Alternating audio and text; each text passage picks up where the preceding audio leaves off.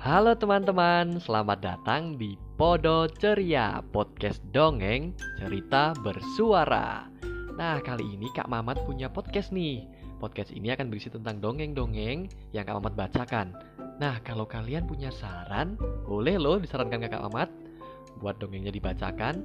Atau kalau kalian bisa menulis dongeng, sudah punya dongeng, juga boleh disarankan ke Kak Mamat. Nanti Kak Mamat akan coba bacakan di sini ya. Terima kasih dan selamat mendengarkan.